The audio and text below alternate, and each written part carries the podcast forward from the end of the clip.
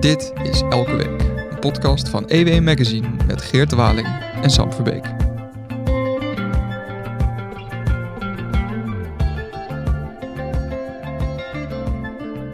Ik zit hier deze week met eh, een van de, de columnisten van EW Magazine, namelijk uh, Zini Usdiel. Uh, columnist, ook podcastmaker voor EW Magazine. Uh, momenteel ook docent op de Hogeschool van Rotterdam. En ja, parttime profeet, kan ik bijna zeggen. Hi Zini, welkom. Dank u wel, Sam. leuk om een keertje aan tafel te hebben. Voor ons is het, dat weten misschien de luisteraars niet, is het opeens een beetje een omgekeerde wereld. Zini maakt voor EW ook de podcast Zini Gasten. Waarin hij in gesprek gaat met ja, toch vooraanstaande experts op talloze gebieden. Ik doe de regie daar een klein beetje, dus ik knip hier en daar wat, wat in elkaar als nodig is. Dat is eigenlijk Nu nooit. moet ik het gaan doen, knippen. Zini is, Zini is one take Charlie, dus, dus dat, dat gaat altijd hartstikke goed. Maar nu mag ik zelf eventjes hier in onze studio met hem in gesprek gaan. hoe is het, Zini? Ja, goed, goed. Ja? ja. Er zijn natuurlijk um, weinige columnisten die zo'n zo'n zinderende column kunnen schrijven als jij. En dat heb je afgelopen week heb je dat ook gedaan. Na de uitslag van de verkiezingen zat ik eigenlijk al thuis in mijn handen te wrijven van... Nou, ik ben benieuwd waar, waar Zini uh, mee gaat komen. Jij, jouw jouw um, column komt bij ons altijd online op, op vrijdag. Dus, ja. dus donderdagochtend ja. ik kan me voorstellen dat jij toen meteen in de pen bent geklommen. Ja.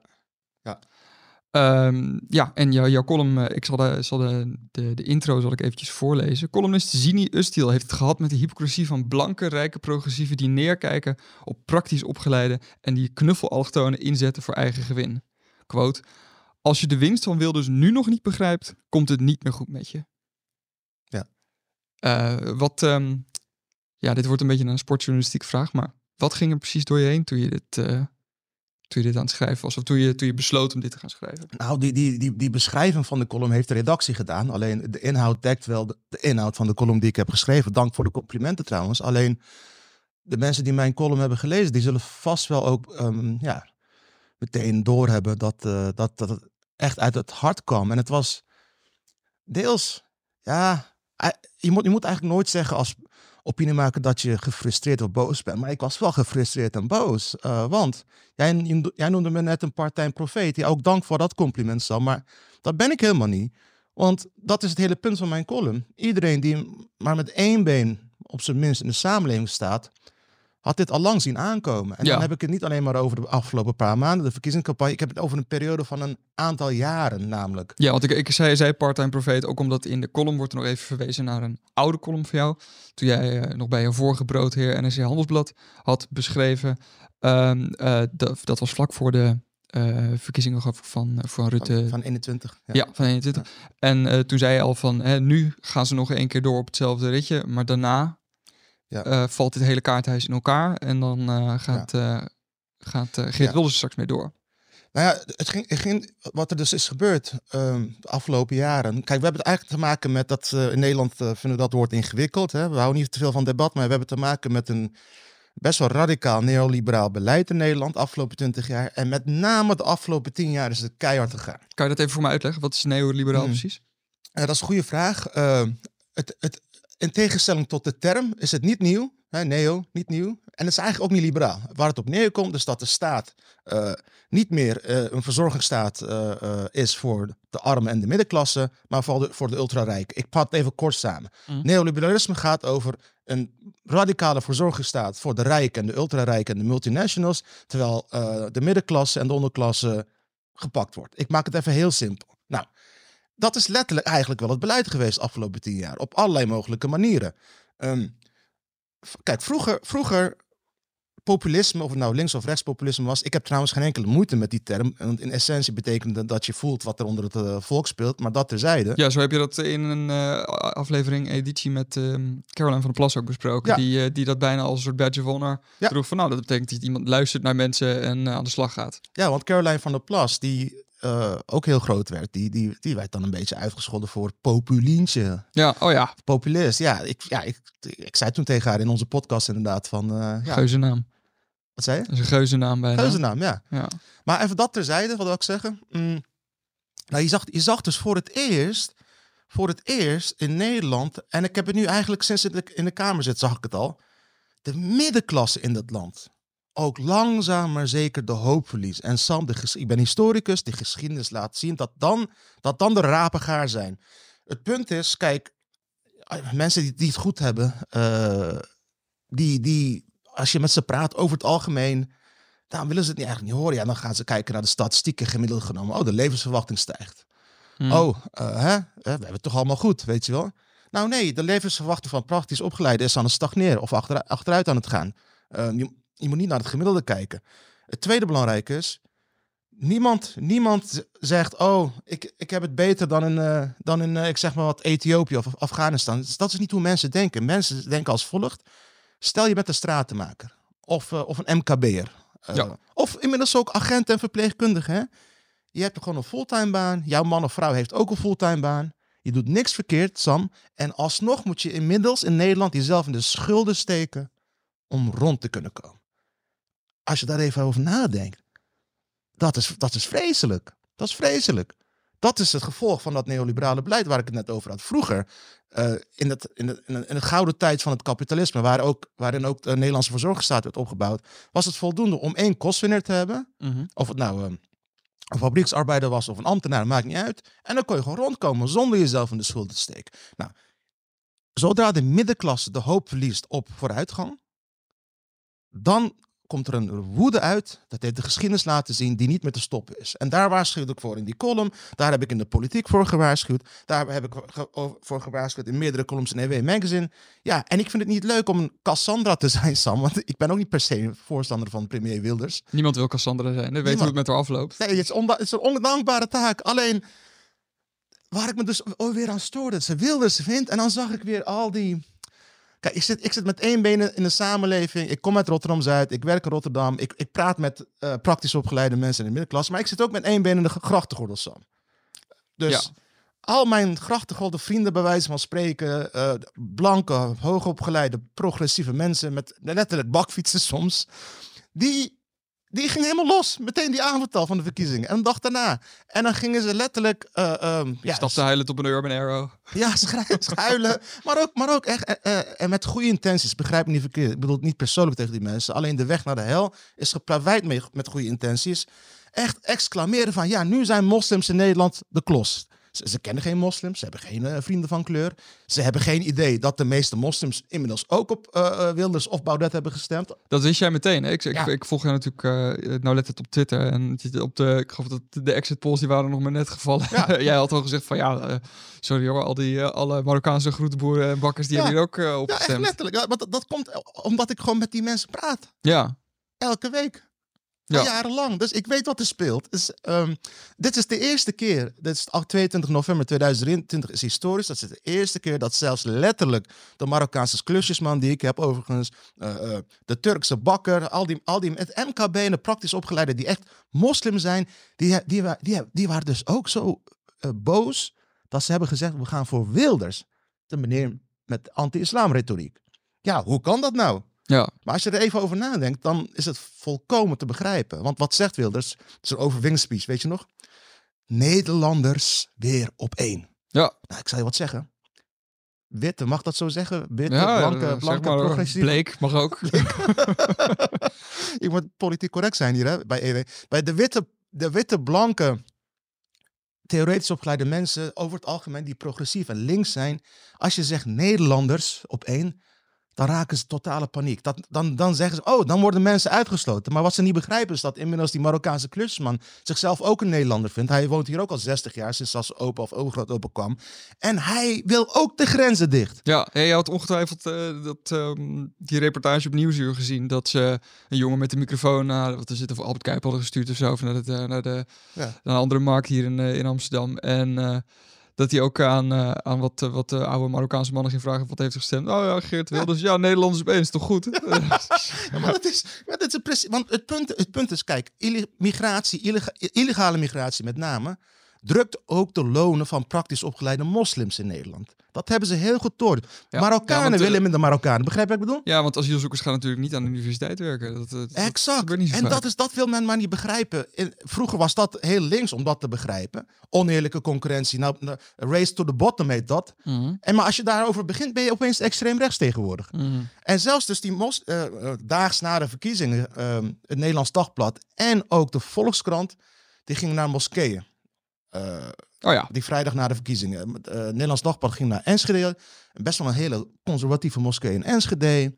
En de Volkskrant ging, als ik me niet vergis, naar Rotterdam of naar Den Haag. Den Haag volgens mij. ja, die hebben dat ook nog besproken in, eh, in hun eigen podcast. Wat ik wel tof eh. vond, ze schrokken zich helemaal rot. Ja, maar en, maar en ze schreef het wel eerlijk op. precies, de, de schrik werd niet verhuld. Ja, dus dat was wel eerlijk, eerlijk van, van zowel het eh, Nederlands Dagblad als de Volkskrant. Dat ze een aantal dagen na de verkiezingen erachter kwamen dat in zelfs conservatieve moskeeën, conservatieve moslims massaal voor Wilders zijn gegaan. Of het helemaal niet erg vinden dat Wilders heeft gewonnen. Nou, mijn punt is, en nu komt hij. Daarom ben ik ook persoonlijk beledigd. Ook al weet ik dat ze het goed bedoelen. Om al die progressieve, hoogopgeleide mensen te zien. Die eigenlijk helemaal geen contact hebben met mensen van kleur. Geen moslims kennen, geen moslimvrienden in ieder geval. Misschien al, eh, één keer per week met de bakker eh, praten. Om niet eens praten, maar gewoon om af te rekenen. Die gaan nu allemaal weer in dat. In diezelfde reflex. Oh, nu is het onze beurt om die zielige mensen te beschermen. Ja, kom op zeg. Hou eens een keer op met die kwezelarij der lage verwachtingen. Dat is nou ook waarom links de hele tijd verliest. Wij, ik zeg nu even wij, hè, wij, wij kleurlingen, terwijl ik volgens mij even bleek als jij bent, maar daar gaat het even niet om. Wij, wij kleurlingen, wij moslims, die blijven eh, vanuit goede intenties steeds die zielige knuffelbeesten wa- waarop ze hun eigen moraliteit kunnen bouwen. En zodra wij niet meer zielig zijn, hebben ze, ja, hebben ze niemand meer te beschermen. Dat, ik denk dat dat een onbewust mechanisme is. Ehm, Alleen, ik vind het wel heel kwalijk uiteindelijk. Want ook nu weer nul besef van wat er is gebeurd. Nul besef van waarom eh, de hele middenklasse en onderklasse voor Wilders is gegaan. En voor BBB en voor Pieter Omzicht. Ik ben bang, want uiteindelijk ben ik wel een links- en progressief jongensman. Ik ben bang dat, de, dat er alweer geen enkele les gaat worden getrokken. En dat de links- en progressief Nederland, in ieder geval electoraal, gewoon gedoemd is om eh, de mesvaal van de geschiedenis in te Is het, eh, want is die kloof tussen eh, eh, ehm, ja, de, de, de bredere linkse beweging in Nederland, die dus blijkbaar meer, ja, dat, is, dat zit gewoon meer in een soort van intellectuele kant. Ja, ja. Eh, en wat er daadwerkelijk ehm, eh, de doelgroep moet zijn van de sociaaldemocratie, is die kloof daartussen, is dat gewoon te groot geworden? Het is geen kloof meer. Het is een onoverbregbare fucking oceaan. Grand En dat is Canyon, een, dus, eh, ja, ehm, en ik, ik heb ook gezegd, ik vind, ik vind oprecht, als Geert Wilders een eh, greintje, eh, eh, hoe zeg je dat, beschaving in zich heeft, moet hij echt een enorme bos bloemen sturen naar Extinction Rebellion, naar al die Hamas-apologetische demonstranten van die afgelopen paar weken. Ja, ja, lieve mensen, kijk, het is heel goed als je begaan bent met het lot van de Gazanen, maar als je twee weken lang voor de verkiezingen, twee weken voor de verkiezingen, elke dag, Sam, elke dag op NS-stations, op knooppunten, Utrecht, Enschede, Amsterdam, Den Haag, Rotterdam, overal, elke dag keihard loopt te scanderen met Hamas-vlaggen. eh, met, met ehm, From the river to the sea. En, eh, From the river to the sea. Dus er is geen plek meer voor de Joodse staat. En ook nog eens vlaggen die lijken op ISIS-vlag. Die lijken op Taliban-vlag.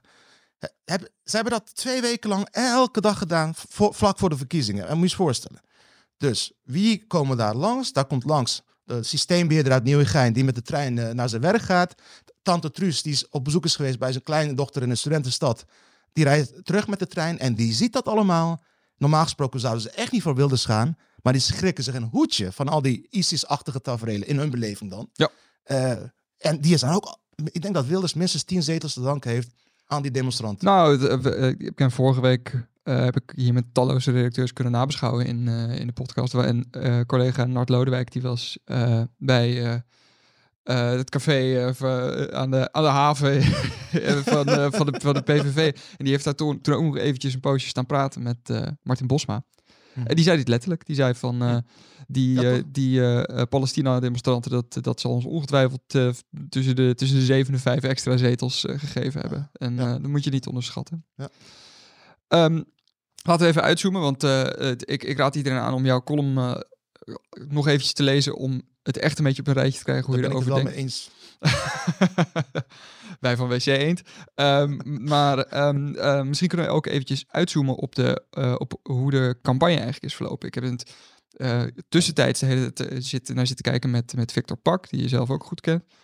Ehm, maar ik, jij komt zelf uit de politiek, bent ook een politiek dier. Hoe, hoe heb je de, de campagne in zijn geheel eigenlijk ervaren? Heb je ervan genoten? ik persoonlijk niet echt. Alleen, het was wel een, achteraf gezien wel een fascinerende campagne. Weet je waarom? De gevestigde partijen, dan heb ik het over de VVD, heb ik het over uh, PvdA GroenLinks, D66. CDA. CDA ook wel, hoewel met Harry Bontebal het toch wel wat... Je hebt een zwak voor Henry, zoals velen. Nee, dat is, dat is waar, dat is waar. Alleen, het fascinerende was, volgens mij was het EW of een andere, ander blad. Het kwam net uit dat uh, Pieter Omzicht en Wilders samen, in totaal samen, 4500 euro hebben uitgegeven aan, uh, aan uh, reclames, social media reclames. De, de, de VVD alleen al een paar miljoen. Wist je ja. dat? Ja, ja, ja. Nou, dit, dit is ook uniek, want voorheen was het een beetje een, uh, een, uh, een gouden regel dat hoe meer geld je spendeert aan reclame, ook op sociale media, hoe groter de kans is dat je wat succes behaalt. Zeg maar. Ja. En die regel is ook opgehouden. Dus wat, wat, wat, wat zegt dat over de campagne? De oude manier van campagne voeren. Ik heb er zelf ook aan bijgedragen in 2016, toen GroenLinks best wel ja, een mooie campagne had. Met uh, beloftes over hoop en dit was, dit was de meetup uh, campagne. Meetups en zo. Ja, ja. van eerste klaar voor ja. opgestroomd te houden. Ik vond het superleuk om daaraan bij te dragen. Op, uh, op allerlei manieren. Ga buiten, buitengewoon succesvolle campagne voor, voor Precies. Alleen, ja, dat, die campagne was dus... we werden geholpen door Blue Digital. Dat is het marketingbureau dat in 2008 en volgens mij ook in 2012... Obama aan een overwinning had gelopen. Zij deden voor, als een vriendendienst voor ons met allerlei adviezen en hulp. Ik was trots om mee te kunnen schrijven aan de speeches van de meetup en op allerlei manieren. Alleen de grote fout die wij maakten, ik zeg nu even wij, ik ga nu even niet vingers wijzen, want uh, ik ben ex-Kamerlid van GroenLinks, maar dat, geldt voor alle andere gevestigde partijen. Elke keer weer, ook de PvdA met Samsung in 2012 en de VVD, ronkende campagnes die goed in elkaar zitten met heel veel geld, of in ieder geval prodeo van hele grote marketingbureaus. En na de verkiezingen, zonder ook maar, zonder ook maar twee uh, hoe zeg je dat? Twee stappen te doen, meteen alle beloftes de prullenbak in gooien. Mm. Ja, dan raak je echt mensen kwijt als je dat keer op keer doet. Je kunt iemand één keer blazen, de twee keer blazen, maar de derde keer is het klaar, weet je wel. En ik denk dat dat deze campagne interessant en uniek maakt. Het ging niet meer over het geld, het ging niet meer over het PR-budget, het ging niet meer over de one-liners, het ging over authenticiteit. Pieter Omzicht, je kunt alles over hem zeggen, hij is authentiek, niet geslepen en glad.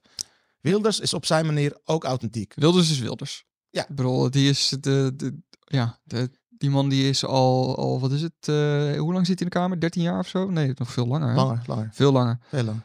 Uh, maar, maar nog, is al, om het punt af te maken, kijk, als je, als je met in totaal 4500 euro, uh, even rekenen, 57 zetels weet te halen, dan is er campagne technisch, politiek, historisch ook iets radicaal unieks aan de hand in Nederland. Mm, ja, dus toch die onderstroom, denk je dan, uh, ja. waar... Uh... Die hebben geen boodschap meer aan uh, goed, goed, goed gemaakte commercials en one-liners en al die advertenties. Ja, nu ken ik, nu weet ik doordat wij samen natuurlijk Zinigasten ook een beetje maken, dat jij ook al, al lange tijd een, graag in gesprek gaat met Caroline van der Plas. Ja.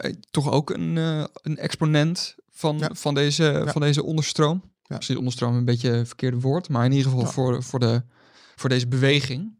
Ja. Eh, hoe, heb je, hoe heb je haar geslagen in deze campagne? Nou ja, ook hier weer Sam. eh, ik heb het ook in haar gezicht gezegd, dus ik kan het hier ook herhalen. Ik heb het vaak gezegd. Nou, zij heeft het een beetje zelf. eh, ja, verprutst wil ik niet zeg- zeggen, want ze is van 1 naar, wat is het, 7 gegaan of 6? Ja, dat, ja. Het is in die zin niet verprutst, maar ze had, zij had minstens 20 zetels kunnen halen. Alleen ook hier weer, ik heb het vaak gezegd tegen haar, ook in een aantal columns opgeschreven. Op een gegeven moment is het trucje voorbij. En wat is, wat is het trucje? Het moet geen trucje zijn. Gewoon elke dag, de hele dag door op alles springen. Dat is wat ze doet. Ze gaat met elke idioot, anoniem of niet, in discussie op Twitter of X, wat het nu is. Ja. Ehm, ze is honderdduizend keer op tv over van alles. Wat eh, spelshows, eh, wat heb je nog meer? Eh, kookprogramma's, noem het maar op. En op- dan haken mensen op een gegeven moment ook af. Dat hoor ik ook van de mensen die haar echt heel sympathiek vonden en voor haar waren gegaan een jaar geleden. Dat krijg je, daar heb je er weer of zo. Daar heb je er weer. En dan ook nog eens steeds dat lollige. Dat werkte aan het begin heel goed om aandacht te krijgen. Dat deed ze heel goed. Maar ik heb heel vaak tegen haar gezegd dat waar mensen behoefte aan hebben in het land, ze- zeker mensen die de hoop zijn kwijtgeraakt, is iemand om naar op te kijken. Met een hoger doel, met bezieling. En ik heb haar geadviseerd om het land in te trekken. En ja, wat soort meetups te geven met haar visie voor het land. Ja. Op allerlei plekken. Ook in Rotterdam-Zuid trouwens, waar ze ook veel aanhang had. Hoe heb jij in dat kader gekeken naar HJ schoollezing? Die zij eh, bij ons natuurlijk gaf. Ja, dat, wa- dat was wel een, dat was een, de enige volgens mij keer dat ze dat wel een beetje deed. Ja.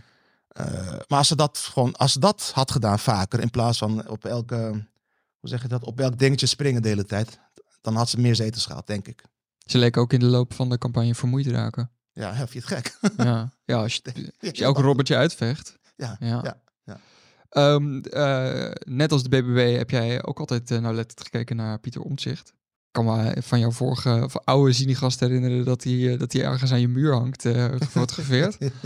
um, ik denk dat Pieter Omtzigt heel blij is dat hij 20 zetels heeft gehad. En dat is met recht ook echt wel iets om trots op te zijn. Maar ik denk dat hij vooral ook wel erg blij is dat hij niet de grootste is geworden. Ja, ja. Denk, dat denk ik ook. Ja. ja.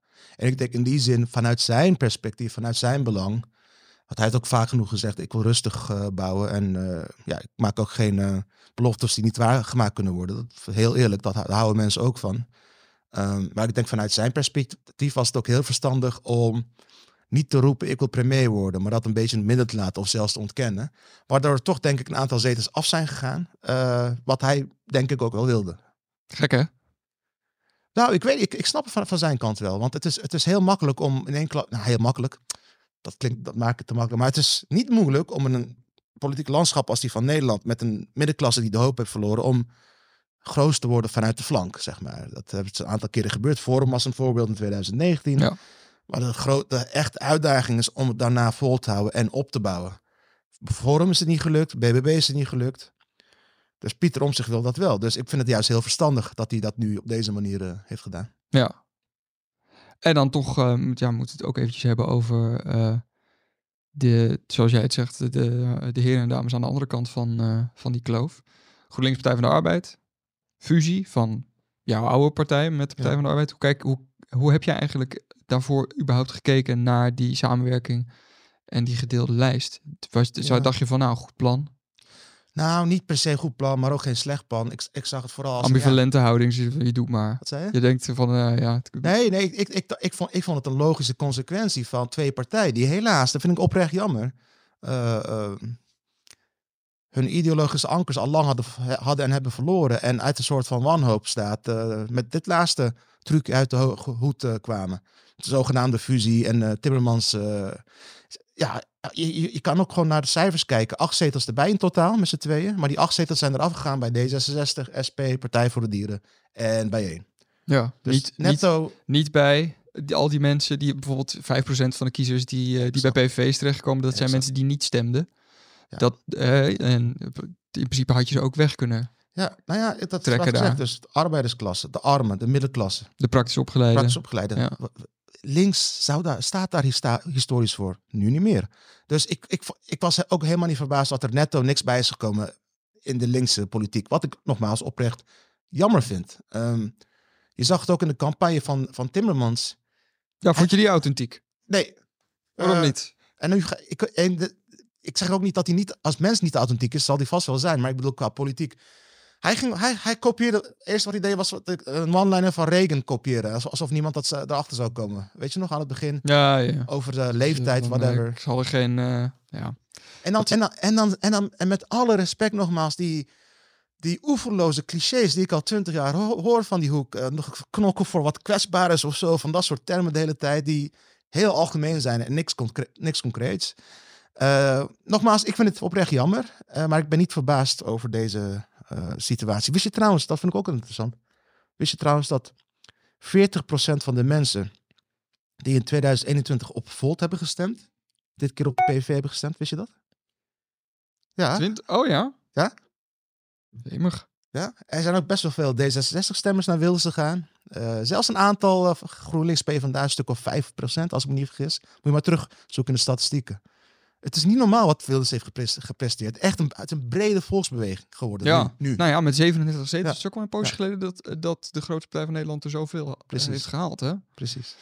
Uh, nu moeten we misschien ook eventjes thematisch uh, belichten. Um, er wordt toch gezegd nu, uh, het, het, het, groot, het hoofdthema van deze campagne was toch integratie. Of, of integratie, wat zeg ik, migratie. Um, hoe, hoe, heb jij, uh, hoe heb je dat gadegeslagen? Denk je, het is natuurlijk wel een, een ander onderwerp geworden. Hè? Bij de PVV was het, ging altijd eerst altijd te maken met nou, islamisering en de, dat je dat ja. moet tegengaan. En nu werd dat veel meer een ja. breder economisch ja, uh, thema. Ja, ja, dat, dat zeg je goed, Sam. Ja, ja. Uh, hoe, hoe vind je dat, dat de VVD daarmee om is gegaan? Poeh, ja. Verkeerd? Ik bedoel, er, wordt veel, nou, er worden nee, verwijten vliegen, vliegen op, op heen weer. Niet, op zich niet, want ik vind het ook, dat vind ik wel een goede vraag. Kijk, nog, even, nog, nog even één ding. Wat jij nu zegt is wel heel belangrijk. door het wat breder te trekken, de anti-immigratieretoriek, Mm. Mede daardoor kreeg Wilders nu ook de eh, moslimstem van moslims die al drie generaties hier zijn, bij wijze van spreken. Ja. Want die willen ook geen immigratie, waar we het net over hadden. Dat was de slogan, geen huis voor jou, want er zit een migrant. Exact. Zoiets. Ja. Of dat waar is of niet, maakt niet uit, maar dat spreekt, dat spreekt de mensen aan.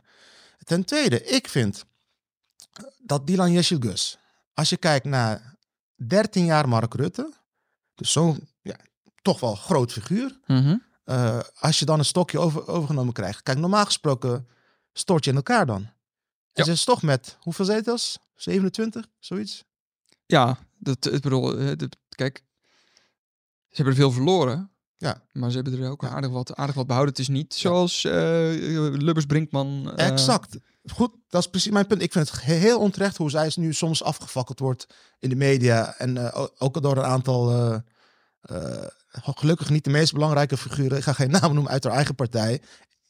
Vanuit, vanuit uh, uitgezoomd is het heel succesvol wat ze heeft gedaan. Als je na, na de grote koning het stokje overneemt en je haalt 27 zetels, doe je het goed. Echt waar. Kijk, naar, het, kijk naar Dijkstal bijvoorbeeld. Dat was ja. een ander verhaal. Nee, dat klopt. Kijk naar in het kader van um, uh, de VVD en ook wat je hebt gezegd over authenticiteit. Jij kent die landjes geloof ik een beetje, of niet? Ja, heel klein beetje. Heel klein beetje. Um, heeft zij een authentieke campagne gevoerd? Of was het toch heel veel uh, boodschap? Ja, ik, ik, ik denk beide. het compromis. Ik, ik, denk beide. Mensen onderschatten soms hoe authentiek zij is. Dus zo goed, zo goed ken ik haar wel, uh, dat dat weet. Bijvoorbeeld als minister van Justitie was zij in mijn herinnering, in mijn volwassen belevenis van de politiek, en dat is inmiddels al heel lang, heel lang helaas, maar uh, de eerste minister van Justitie die ik heb meegemaakt, die zei, mijn agenten. Ja. Ik zorg, ga voor mijn agentenzorg. Nou, je wil niet weten hoeveel mensen dat heeft aangesproken. Agenten en niet-agenten.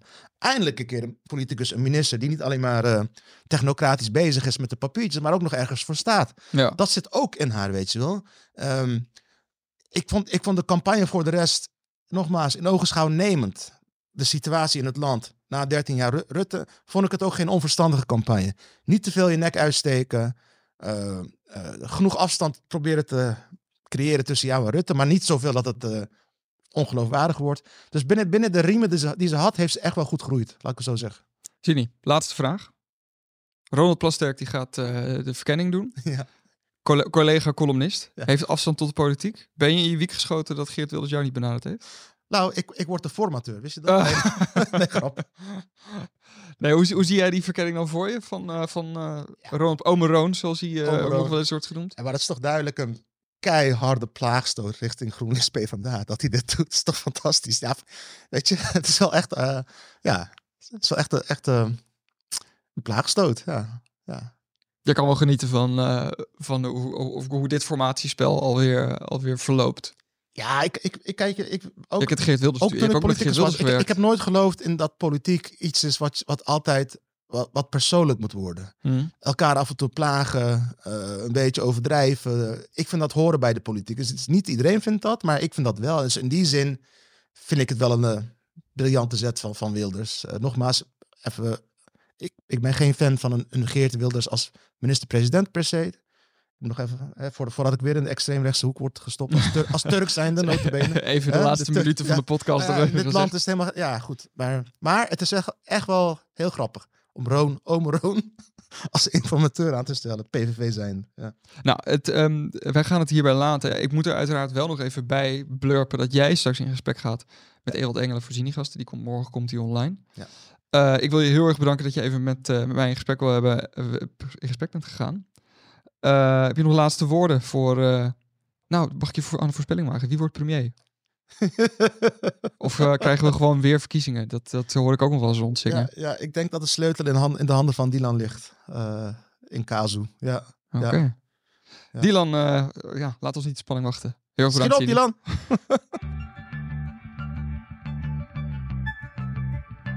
Dit was Elke Week. Een podcast van EW Magazine met Geert de Waling en mij, Sam Verbeek. Zoals elke week kan je de besproken artikelen ook vinden in onze show notes. Voor dit een leuke podcast? Abonneer je dan en laat een leuke review achter. Heb je vragen of opmerkingen? Geert kan je op Twitter vinden onder Geert de Waling. Ik ben op Twitter te vinden onder SamWV. Je mag me natuurlijk ook mailen naar sam.verbeek.ewmagazine.nl Dank voor het luisteren naar Elke Week. Tot volgende.